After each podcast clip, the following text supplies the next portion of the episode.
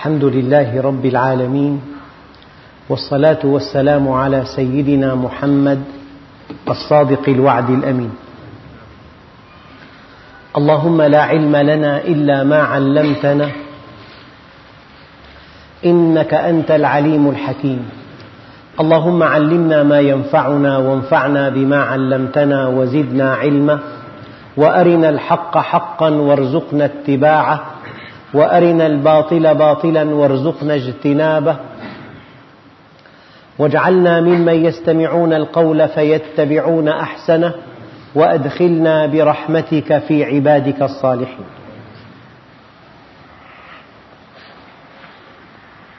أيها الإخوة الكرام مع الدرس الرابع من سورة الممتحنة ومع الآية العاشرة بسم الله الرحمن الرحيم. يا أيها الذين آمنوا. الله جل جلاله كما ذكرت لكم من قبل يخاطب عامة الناس بأصول الدين ويخاطب المؤمنين بفروع الدين. أي يا من آمنتم بي يا من أيقنتم بوجودي أيقنتم بكمالي أيقنتم بوحدانيتي. يا من عرفتم منهجي. افعلوا كذا وكذا.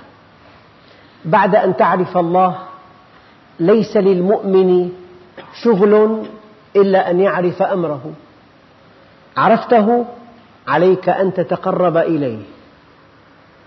الشيء العظيم يقصد يبتغى يخطب وده. فمن لوازم أن تعرف الله أن تخطب وده. من لوازم أن تعرف الله أن تبحث عن أمره ونهيه. من لوازم أن تعرف الله أن تتقرب إليه. فالحركة الطبيعية أنك تعرف الله أولا ثم تتقرب إليه ثانيا. ما الشيء السريع الفعال في التقرب إليه أن تطيعه؟ قل إن كنتم تحبون الله فاتبعوني. إذا أكبر شيء يقربك إليه طاعته.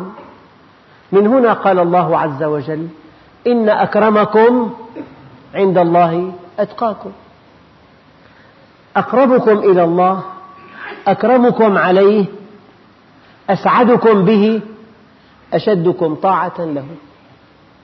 لذلك أيها الإخوة لما سيدنا عمر قال لسيدنا سعد بن أبي وقاص يا سعد لا يغرنك أنه قد قيل خال رسول الله فالخلق كلهم عند الله سواسية.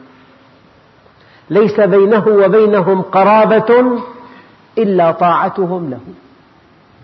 وطاعة الله بين يديك مبذولة من عظمة الله ومن كرمه.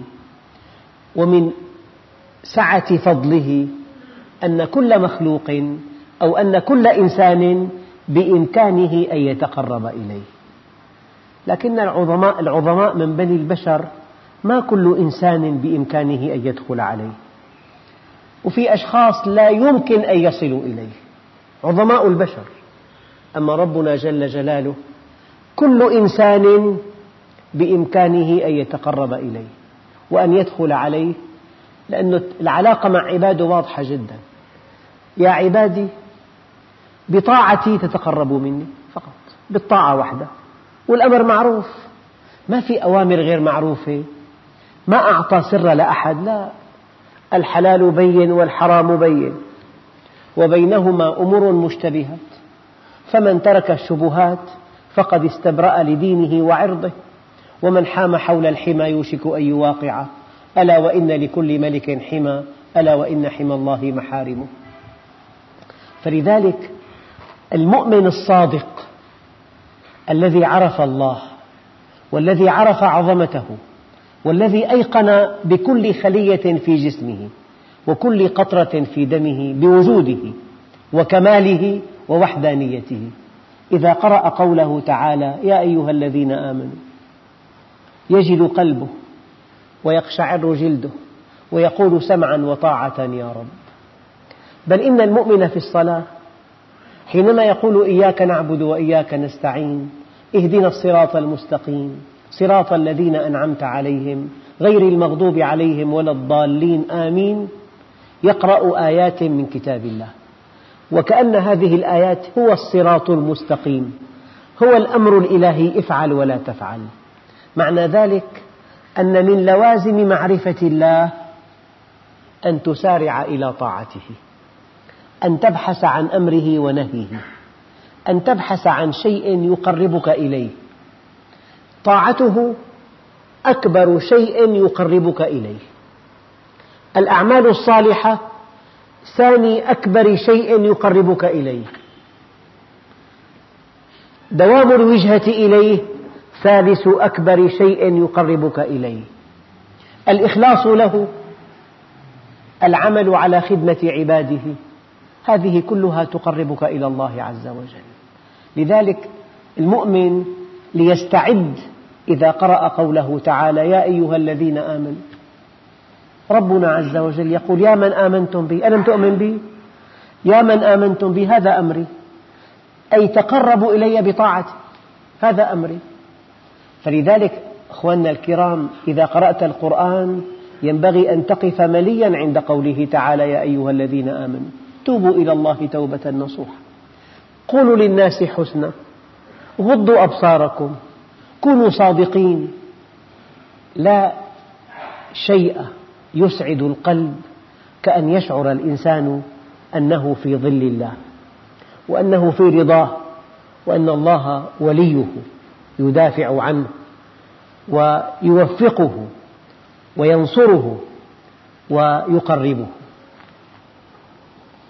الحقيقة أيها الإخوة أن صلح الحديبية قد تحدثنا عنه في العام الماضي بشكل مفصل حينما وردت أحداث هذا الصلح في سورة محمد وسورة الفتح. وقد ذكرت لكم تفاصيل هذا الصلح. فمن بنود هذا الصلح أنه إذا جاء أحد من المشركين إلى النبي عليه الصلاة والسلام ينبغي أن يرده النبي. أما إذا ذهب أحد من المسلمين إلى المشركين ليس على, ليس على قريش أن ترده إلى النبي. الصحابة الكرام رأوا في هذا الاتفاق ضعفا في جانب المسلمين. لكن النبي أخبرهم أنه ينفذ أمر الله. إلا أن هذا الأمر لا ينطبق على النساء.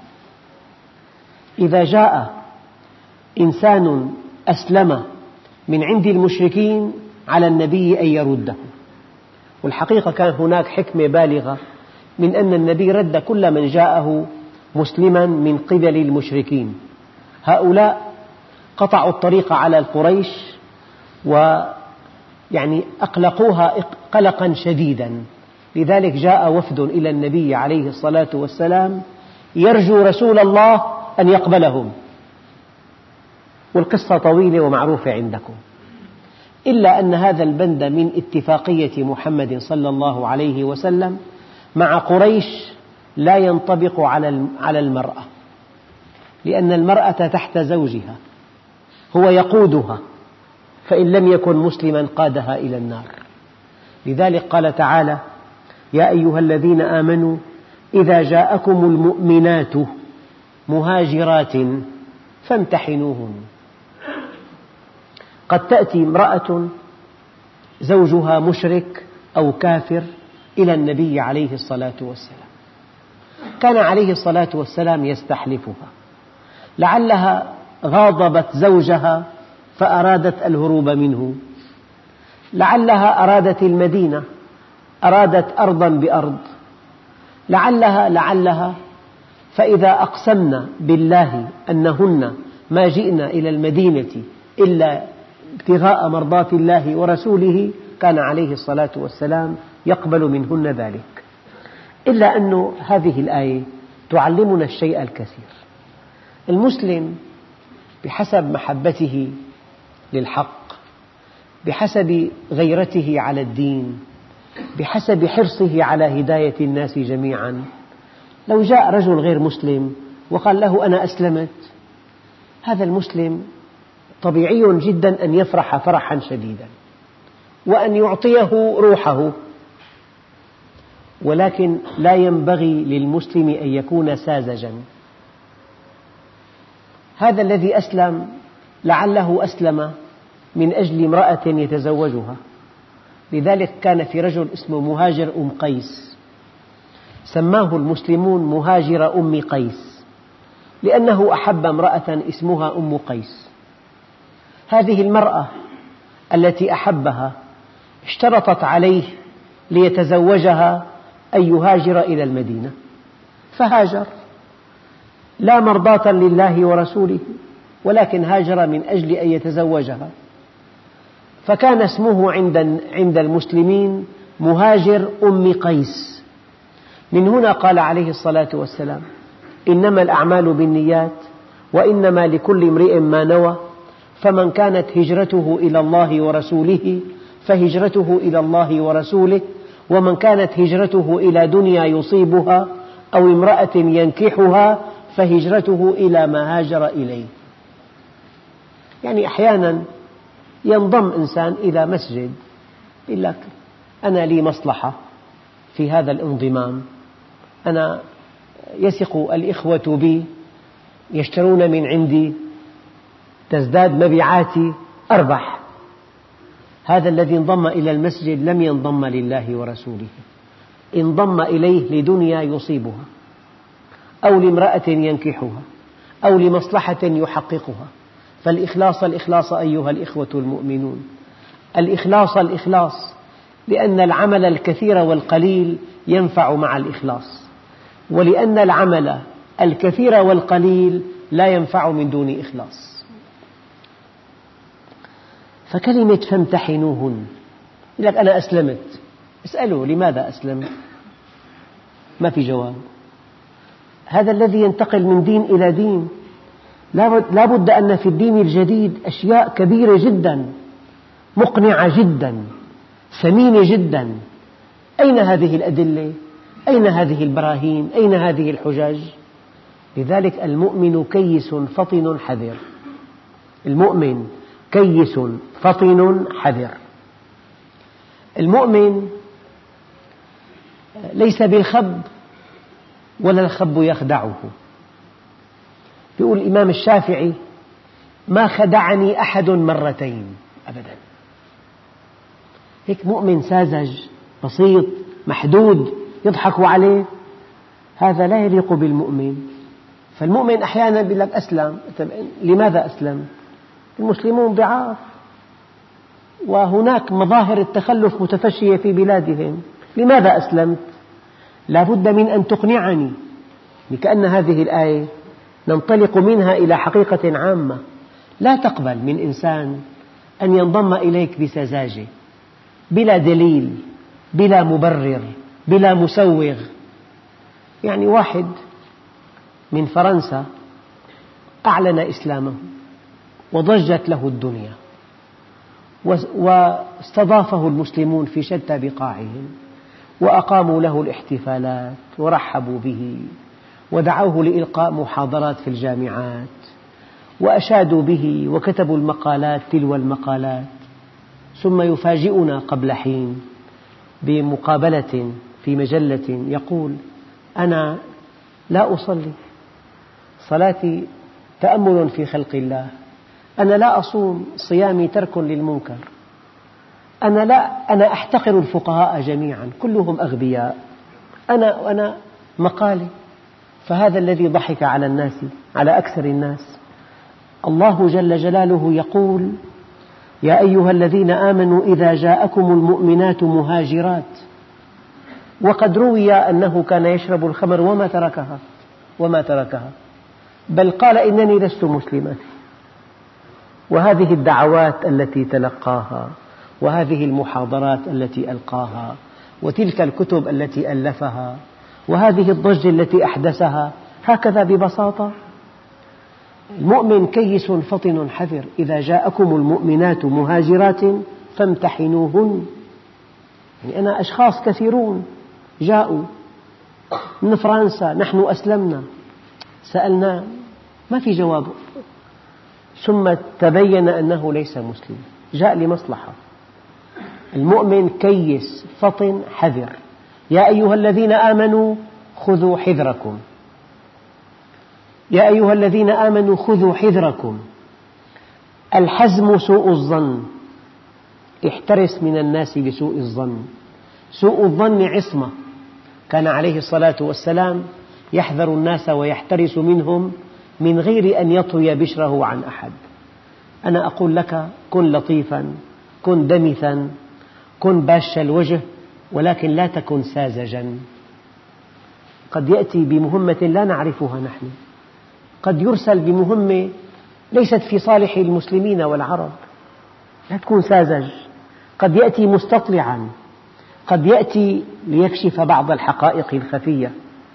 فلذلك أنا خرجت من هذه الآية المتعلقة بحدث في حياة النبي إلى قاعدة عامة. يا أيها الذين آمنوا إذا جاءكم المؤمنات مهاجرات فامتحنوهن. طبعا يقول الله عز وجل الله أعلم بإيمانهن. يعني الله وحده ولا أحد سواه هو الذي يعلم الحقيقة. أنا أقول لكم هذه الحقيقة. إن تقييم الأشخاص من شأن الله تعالى. نحن لنا دلائل نراه يصلي نراه يغض بصره نراه لا يكذب الصدق دليل والصلاة دليل وغض البصر دليل. هذه علامات لكن الحقيقة الكاملة لا يعرفها إلا الله. سيدنا الصديق لما ولى سيدنا عمر بعض الصحابة يعني وجلوا. سيدنا عمر شديد أنه وليت علينا عمر فقال سيدنا الصديق أتخوفونني بالله؟ والله أقول له يا رب لقد وليت عليهم أرحمهم. قال هذا علمي به فإن بدل وغير فلا علم لي بالغيب. انظر إلى التحفظ هذا علمي به فإن بدل وغير فلا علم لي بالغيب.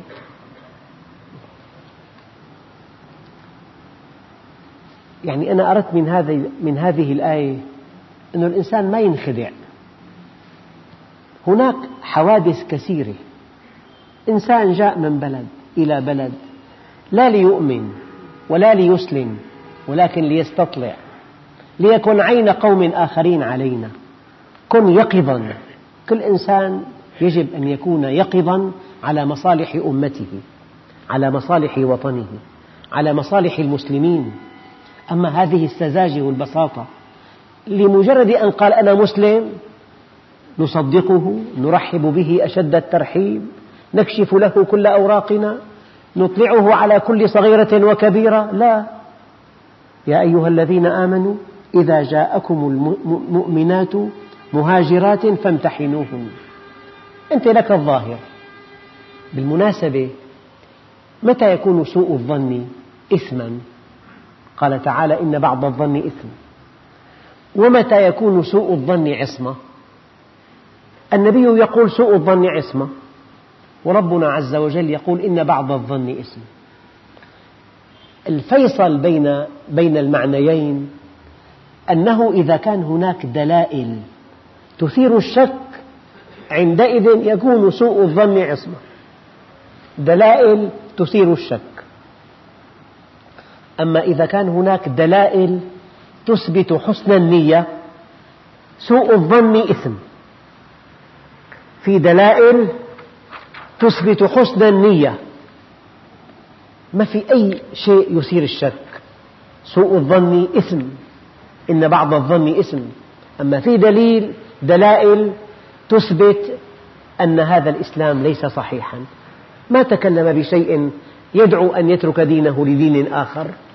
إذا ما في دلائل قوية يعد سوء الظن عصمة. هذا هو الفيصل والضابط بين أن يكون سوء الظن عصمة وبين أن يكون سوء الظن إثم. قال تعالى إن بعض الظن إثم. وقال عليه الصلاة والسلام سوء الظن عصمة والحزم سوء الظن واحترس من الناس بسوء الظن. وقال تعالى إن بعض الظن إثم. في دلائل مريبة سوء الظن عصمة. ما في ولا دليل مريب سوء الظن إثم من الآثام. فامتحنوهن. يعني أحيانا يأتي إلى المسجد لأول مرة وله طلب كبير. تسأله منذ متى أنت في المسجد؟ يقول لك هذا أول درس. يعني معنى ذلك أنه جاء لمصلحة جاء لمساعدة جاء لمكسب. هو في وادي وأنت في وادي. الدين كله في واد وهو في واد آخر. لكن جاء لمصلحة. فالمؤمن عليه أن يكون يقظا حذرا لا يعد المؤمن ساذجا ولا بسيطا من النوع الذي يمكن أن تنطلي عليه حركات أهل الدنيا. سيدنا عمر له هذه الكلمة الرائعة يقول لست بالخب ولا الخب يخدعني. يعني لست من الخبث بحيث أخدع ولا من السذاجة بحيث أخدع. هذا الموقف. ثم إن الإنسان لا يحترم في المجتمع إذا كان ساذج بسيط سهل المأخذ سهل المنال يمكن أن تنطلي عليه الحقائق. يمكن أن يضلل يمكن أن يقع في الإيهام. إذا وقع في الإيهام وضلل وانطلت عليه الحقائق وكان ساذجا وانطلت عليه بعض الأكاذيب لا يعد هذا الإنسان محط إعجاب وتكريم من الناس. الناس يعجبون بالذكي يعجبون بال... من دون خبث في ذكاء مع خبث في ذكاء شيطاني. في ذكاء مع مخادعة في ذكاء مع أحابيل. نريد عقلا مع الطيب مع اليسر مع الطهر مع البساطة. هذا هو المؤمن. لذلك قالوا المؤمن طفل كبير. يجمع بين طهر الأطفال وذاتية الأطفال وبراءة الأطفال وفطرة الأطفال وبين عقل الكبار وإدراك الكبار. ويقظة الكبار وحرص الكبار. أما الحقيقة الساطعة الله أعلم بإيمانهن وحده. الله أعلم بإيمانهن. يعني الحقيقة الكاملة لا يعرفها إلا الله. مثلا طبعا هذا شيء من السيرة مهم جدا. الوحي كما تعلمون جاء النبي عليه الصلاة والسلام مئات المرات بل بضع مئات المرات لموضوعات صغيرة جدا يعني لما حاطب ابن بلتعة أرسل كتابا إلى قريش كيف علم النبي بذلك؟ الوحي لما ذهب إلى خيبر ليفاوضهم وأزمعوا أن يقتلوه بصخرة. من أعلمه؟ الوحي. مر لما جاء عمير بن وهب قال لصفوان لولا ديون لا أطيق سدادها وأطفال أخشى عليهم العنت لذهبت وقتلت محمدا وأرحتكم منه. قال له امضي لما شئت. أولادك هم أولادي وديونك علي بلغت ما بلغت. من الذي أعلم النبي بمقولة عمير؟ الوحي. بالسيرة في مئات الأمثلة عن أن الوحي نزل إلى النبي الكريم ليعلمه عن قضية من قضايا الدعوة. إلا أن الوحي مرة لم ينزل. جاء قوم من بئر معونة طلبوا من النبي عليه الصلاة والسلام سبعين قارئا ليعلم قومهم القرآن. والنبي صدقهم وأرسل معهم سبعين قارئا وفي الطريق ذبحوهم. لماذا لم يعلم الله عز وجل نبيه الكريم بهذا؟ ليكون هذا درسا لألف عام قادمة. أن النبي عليه الصلاة والسلام بشر لا يعلم بذاته. إلا أن يعلمه الله تعالى. ليكون هناك فرقا بين مقام الألوهية ومقام النبوة. النبي بشر. إن أعلمه الله علم وإن لم يعلمه لا يعلم. اللهم إنما أنا بشر قال أنسى كما ينسى البشر وأغضب كما يغضب البشر. طيب حديث آخر يقول عليه الصلاة والسلام لعل أحدكم ألحن بحجته من الآخر. فإذا قضيت له بشيء فإنما أقضي له بقطعة من النار. معنى ذلك أن النبي عليه الصلاة والسلام لا يستطيع قد يكون أحد الخصمين ألحن بالحجة فيقضي له والحق مع غيره. قال إذا فعلت هذا فإنما أقضي له بقطعة من النار. أراد النبي أن توحد أن تكون مخلصا لله وحده. إذا على وجه اليقين الحقيقة الكاملة عند الله وحده. لذلك إذا واحد كلف أن يزكي يزكي إنسانا ليقل أعلمه تقيا أعلمه ورعا أعلمه مثلا مؤديا للصلوات أعلمه دقيقا في معاملته نقيا في ذمته والله أعلم. هذا علمي به والله أعلم. دائما إذا أردت أن تقيم الأشخاص تحفظ. تحفظ بعبارة. قل والله أعلم. فعلها الصديق مع عمر بن الخطاب. قال يا ربي أتخوفونني بالله؟ أقول يا رب لقد وليت عليهم أرحمهم. هذا علمي به فإذا بدل وغير فلا علم لي بالغيب. لذلك قال تعالى الله أعلم بإيمانهن. أنتم امتحنوهن بالدلائل الظاهرة. من هنا قال عليه الصلاة والسلام ورد عنه نحن نحكم بالظاهر والله يتولى السرائر. رأيته يصلي معنى مسلم. يعلن الشهادتين معنى مسلم. حج بيت الله الحرام معنى مسلم. يؤدي زكاة ماله معنى مسلم. زوجته محجبة معنى مسلم. ليس في بيته منكر معنى مسلم. هي كله تمثيل هذا مو شغلنا لو قال لك أحدهم هذا كله تمثيل. نقول له يقول عليه الصلاة والسلام نحن نحكم بالظاهر والله يتولى السرائر. إذا ما في أدلة صار سوء ظن وسوء الظن إثم.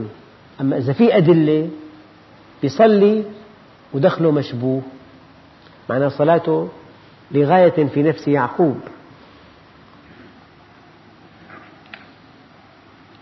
قال فإن علمتموهن مؤمنات فلا ترجعوهن إلى الكفار.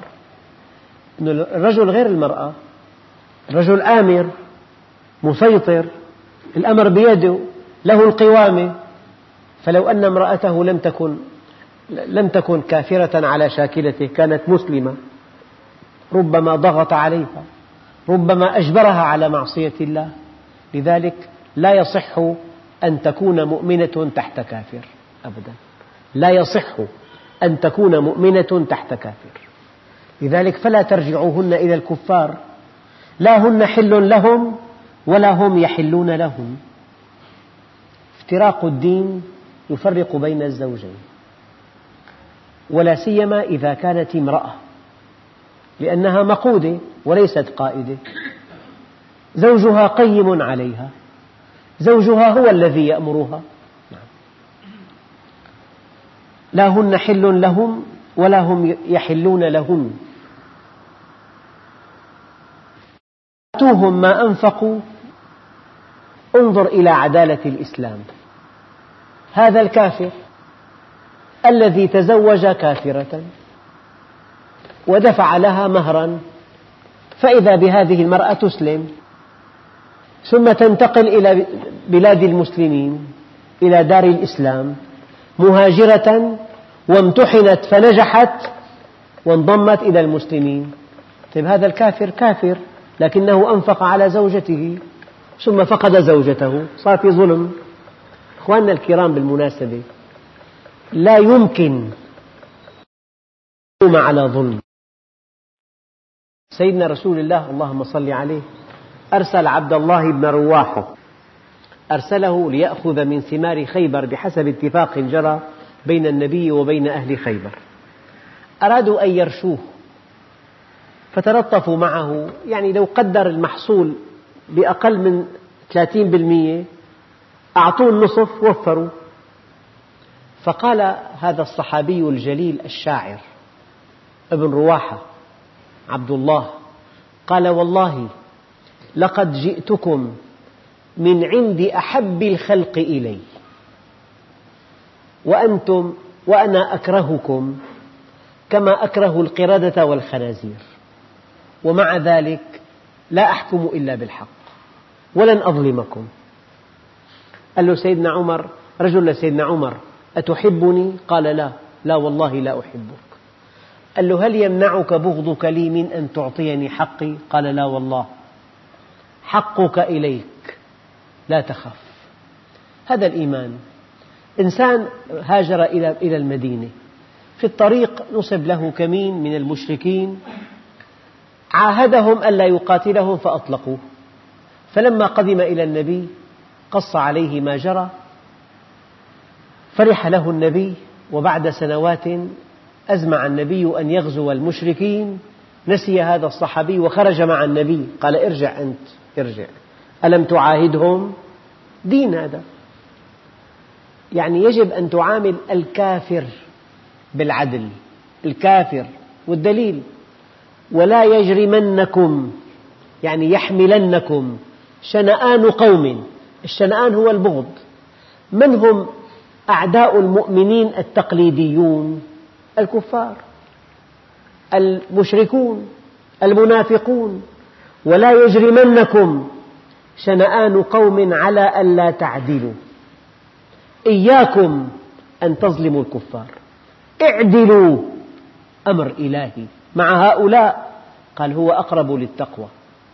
إن عدلتم مع هؤلاء يزدادون قربا مني ويزدادون قربا منكم ويزدادون قربا من الحق. إذا مسلم كان منصف مع كافر أعطاه حقه بالتمام والكمال من أدراك لعل إعطاءه حقه بالتمام والكمال يكون سبب إيمانه؟ من أدراك؟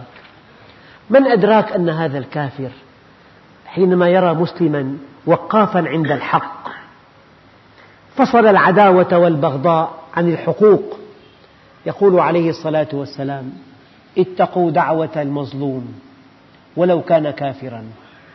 ولو كان كافرا فإنه ليس بينها وبين الله حجاب. اتقوا دعوة المظلوم فإن دعوته تصعد إلى الله كالشرارة. أبدا. هذا الإيمان. نحن ما في عنا واحد مسلم يقول هذا ما في دين اظلمه. كل من ماله. لا تعبأ بحقه. هذا ضد الإسلام يا أخي لا. اعدلوا. هو أقرب للتقوى. هذا الإسلام. فهذا الذي الصحابي اللي قال والله لن أظلمكم. قال أحد زعماء خيبر بهذا غلبتمونا. بهذا غلبتمونا. الله عز وجل لا ينصر إلا أهل الحق. ولو أن أهل الحق انحرفوا عنه لخزلهم. ولو تقول علينا بعض الأقاويل لأخذنا منه باليمين ثم لقطعنا منه الوتين فما منكم من أحد عنه حاجزين. يا رسول الله مثل بهم كما مثلوا بعمك. قال والله لا أمثل بهم فيمثل الله بي ولو كنت نبيا.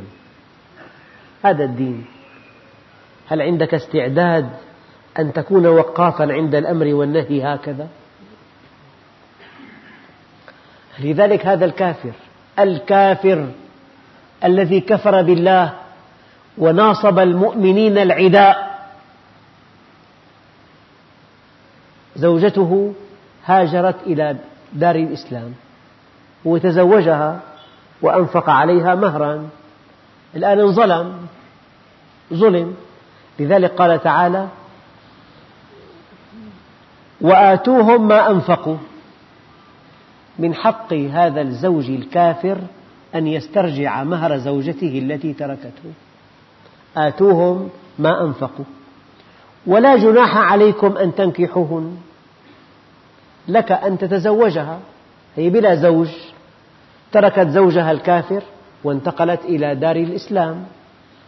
نعوض على زوجها بالمهر الذي دفعه ليتزوج غيرها ونسمح لها أن تتزوج من مسلم. طبعا إذا آتيتموهن أجورهن والأجر هنا ما معناه؟ المهر فقط. لا كما يستنبط أنه شيء آخر الأجر هنا هو المهر. إذا آتيتموهن أجورهن الحكم الجديد الثاني ولا تمسكوا بعصم الكوافر. يعني إذا امرأة كفرت كفرا بواحا بواحا لا تمسك بعصمتها لا تبقها عندك. لماذا؟ لأنها ستربي أولادك على الكفر. قضية لها مضاعفات. سوف تفسد عليك أسرتك. ولا تمسكوا بعصم الكوافر واسألوا ما أنفقتم وليسألوا ما أنفقوا. يعني لك أن تطالب بتعويض عما أنفقت على الزوجة الكافرة وللزوج الكافر أن يطلب بتعويض عما فقد من زوجته المؤمنة هذا حق. ذلكم حكم الله يحكم بينكم والله عليم حكيم.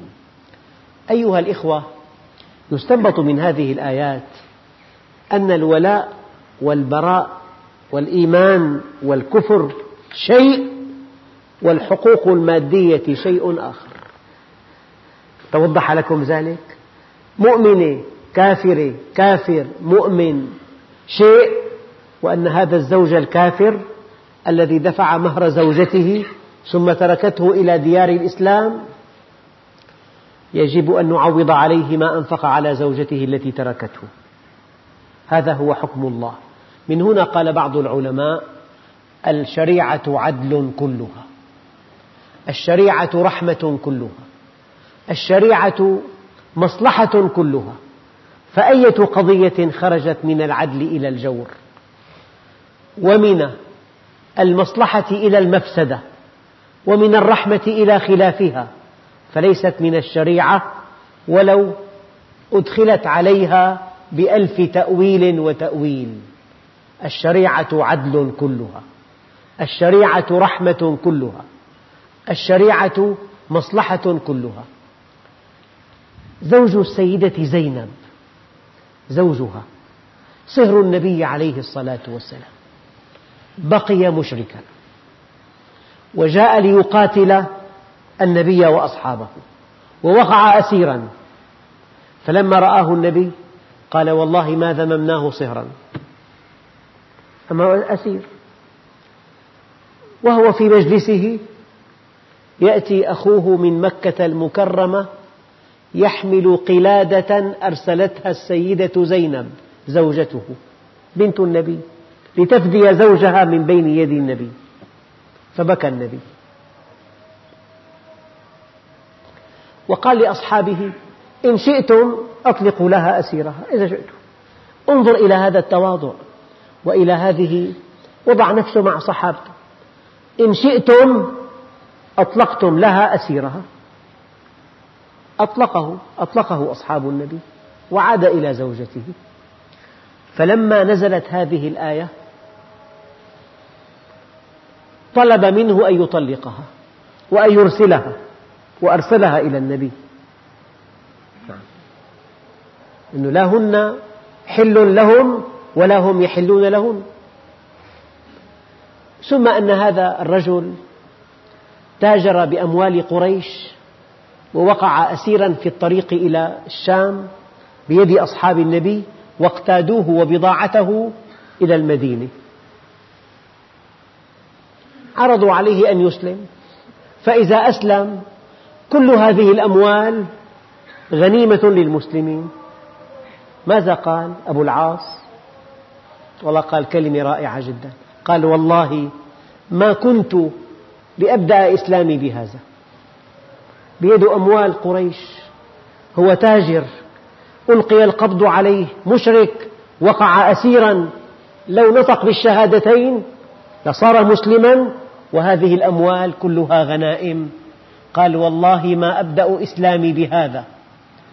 ثم أمر النبي أن يطلق سراحه ثانية وعاد إلى مكة وأدى جميع الحقوق وبعد ذلك أعلن إسلامه. وعاد إلى المدينة ليتزوج زينب ثانية. هذا الإسلام. أما أروع كلمة قالها والله ما كنت لأبدأ إسلامي بهذا بأكل أموال الناس. لو أن أبا العاص حينما عرض عليه أصحاب النبي أن يسلم فأسلم وضم هذا المال كله إلى المسلمين. بربكم. هؤلاء كفار مكة المشركون. هل يصدقون أنه أسلم حبا لله؟ أم يتهمونه أنه أسلم ليأكل أموالهم؟ قال والله ما أبدأ إسلامي بهذا. لذلك هذه الشريعة لا تقوم إلا على العدل والعدل مع غير المسلمين لأن الإسلام لا ينتشر إلا بالعدل فإذا بني على الظلم الإسلام لا ينتشر سيدنا خالد لما أخذ الجزية من أهل حمص ثم ارتأى أن يتركها لحكمة عسكرية ماذا فعل؟ رد لهم الجزية أنا أخذتها لأحميكم أما, أما وقد انسحبت من أرضكم لا بد من ردها. أهل سمرقند فتحت بلادهم ودخلها المسلمون وحكموها. ثم نمي إليهم أن دخول جيش المسلمين لم يكن وفق قواعد الدين. فأرسلوا سرا وفدا إلى عمر بن عبد العزيز. وفد يعرضون عليه أن بلدهم لم تفتح وفق قواعد الدين. قواعد الدين تقول لا بد من عرض الإسلام على هؤلاء.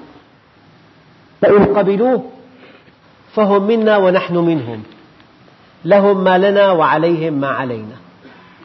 فإن رفضوه يعرض عليهم دفع الجزية أن يبقوا على دينهم السماوي وأن تؤخذ منهم الجزية.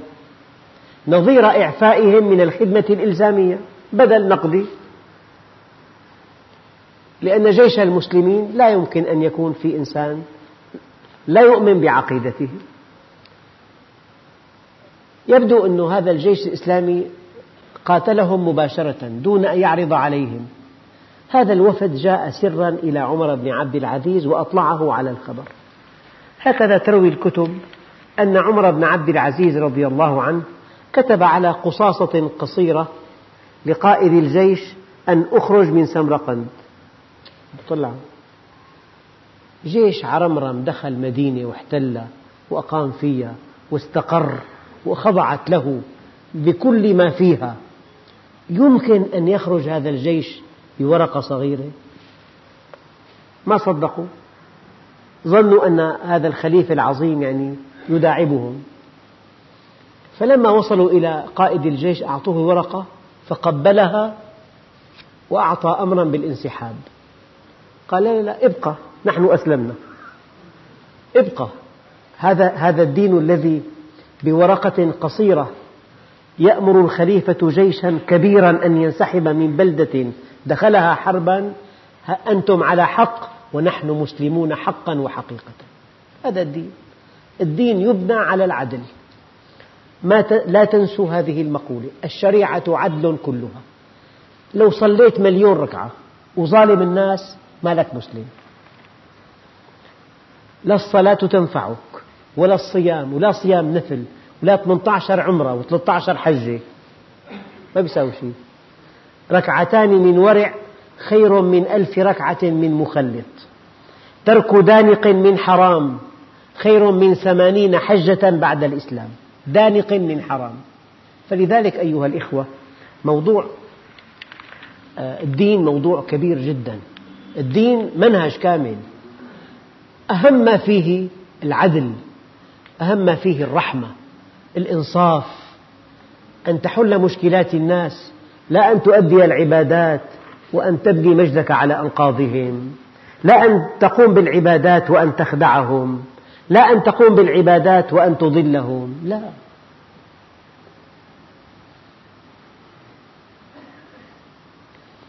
وإن فاتكم شيء من أزواجكم إلى الكفار فعاقبتم فآتوا الذين ذهبت أزواجهم مثل ما أنفقوا واتقوا الله الذي أنتم به مؤمنون. يعني إذا نلتم من غنائم الكفار ولكم عند الكفار مبلغ لكم أن تقتطعوه من الغنائم قبل التوزيع. في مسلم له زوجة كافرة تركها لأنها كافرة له عندها مهر يمكن أن يأخذ المهر قبل توزيع الغنائم هذا معنى الآية.